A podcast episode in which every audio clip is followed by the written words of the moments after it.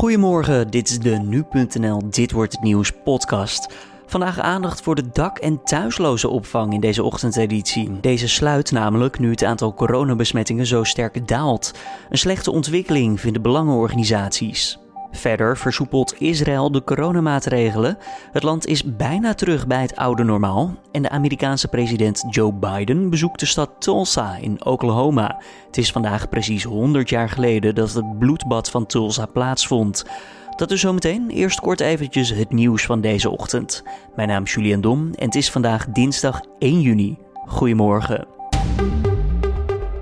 Andrei Pivovarov, dat is de leider van de pro-democratische organisatie Open Rusland, is gisteravond aangehouden. Hij werd in Sint-Petersburg door de Russische veiligheidsdienst FSB uit een vliegtuig gehaald dat vlak voor het opstijgen werd gestopt. Dat is te lezen op het Twitter-account van Pivovarov.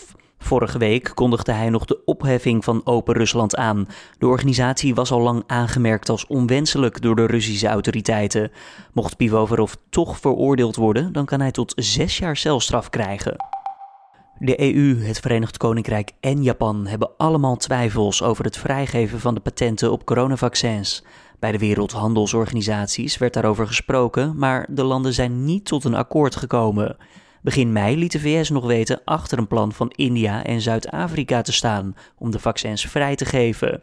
Minder rijke landen zouden op die manier sneller grote delen van hun bevolking kunnen vaccineren, is het idee. De productie is volgens hen nu nog veel te laag van de coronavaccins. Bij een steekincident in het Brabantse Overloon is vannacht een man zwaar gewond geraakt. Het slachtoffer is overgebracht naar het ziekenhuis. Een andere man liep lichte verwondingen op. Hij is aangehouden en ook voor behandeling overgebracht naar het ziekenhuis. De politie onderzoekt nog wat er precies is gebeurd. Het laatste woord is nog niet gezegd over grote schermen bij het EK deze zomer. De eerste twee wedstrijden zullen in ieder geval niet op een scherm in een café of op het terras te zien zijn, maar daarna is misschien wel wat mogelijk. Dat zegt minister Grapperhaus na het Veiligheidsberaad, is te horen bij de NOS. Ik ben echt wel bereid om nog eens, eh, als we inmiddels over de helft van juni zijn, om nog eens eh, te kijken van goh, ehm, hoe gaat het nou met alle dingen? Want de volgende stap staat nu voor 30 juni.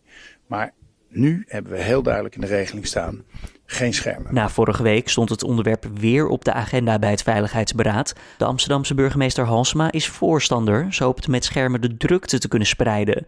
Toch staat niet elke burgemeester achter het voorstel. Jack Mikkers van Den Bosch opperde bijvoorbeeld om schermen pas toe te staan bij de kwart- of halve finale.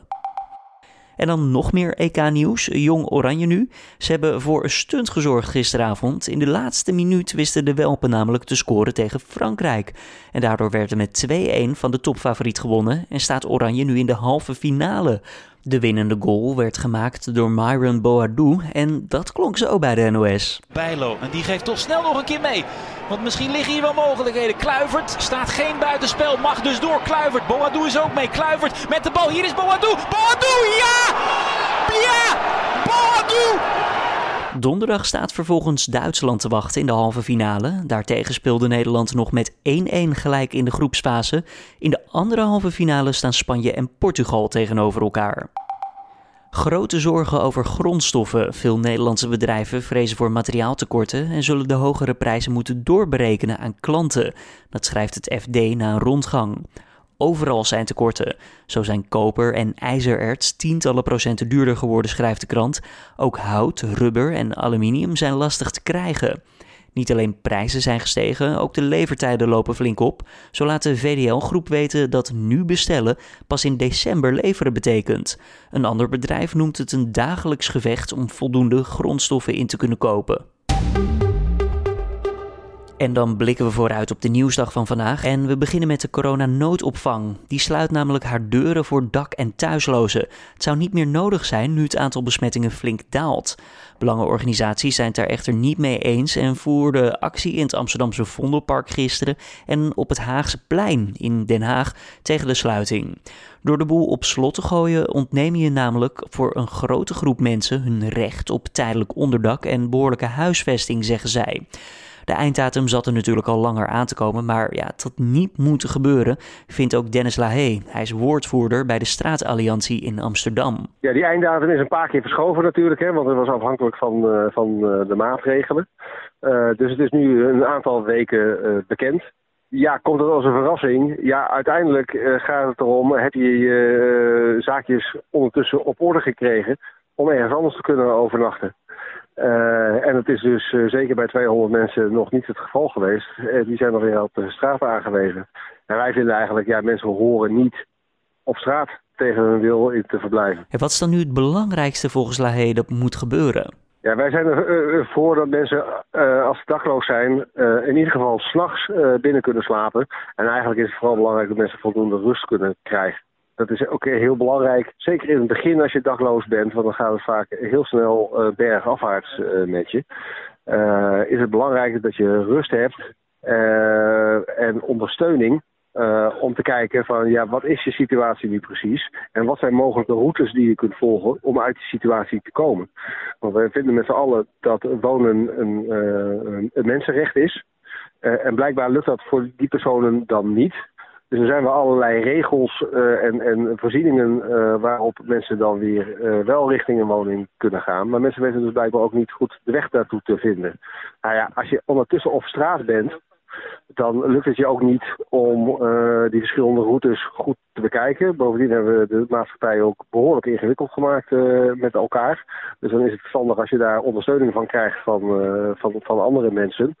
Uh, die je daarbij helpen. Wordt er in ieder geval nog wel overleg gevoerd om samen tot een oplossing te komen? Ja, het is zo dat we daarover in gesprek zijn uh, uh, met de gemeente. Die verwijzen dan ook weer vaak door naar het Rijk. Want er zijn decentralisaties hebben plaatsgevonden waardoor de WMO van het Rijk naar de gemeentes toe is gegaan. En dus ook met een grote bezuinigingsoperatie gepaard uh, gegaan. Ik sprak toevallig uh, zojuist ook nog even de, de, de wethouder die ook aangaf... Van, ja, het is wel heel belangrijk dat mensen binnenslapen en ondersteuning krijgen.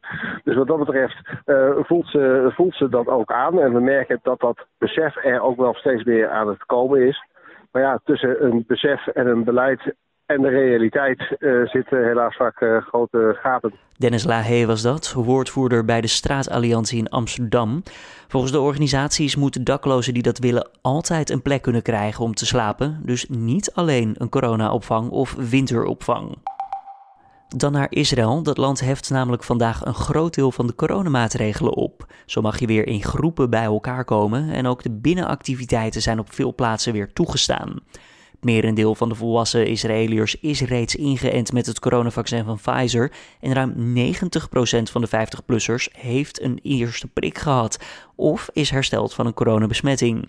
Verder was het tot voor kort voor sommige activiteiten in Israël ook nodig om een immuniteitsbewijs te laten zien, maar ook die maatregel is nu ingetrokken. Wel zijn de grenzen van het land nog grotendeels gesloten en is het nog verplicht om binnen een mondkapje te dragen. Dan van Israël naar de Verenigde Staten. De Amerikaanse president Joe Biden brengt namelijk vandaag een bezoek aan Oklahoma om het bloedbad van Tulsa uit 1921 te herdenken. Vandaag dus precies 100 jaar geleden. Op die dag vielen bendes van blanke inwoners, zwarte mensen en hun bedrijven aan in de stad. Er vielen toen 39 doden en meer dan 800 mensen raakten gewond. Het bloedbad wordt beschouwd als ergste incident van rassengeweld tot nu toe in de Amerikaanse geschiedenis. Dan weer van Weerplaza met Alfred Snoep. Alfred, kan je vertellen wat mogen we vandaag verwachten? Vandaag belooft het een prachtige zomerse dag te worden. De zon die zal uitbundig schijnen. Vanmiddag verschijnen er een paar stapelwolken in het binnenland, maar het blijft overal droog. De temperatuur loopt op naar zo'n 22 tot 26 graden, met de hoogste temperaturen in het zuiden van het land.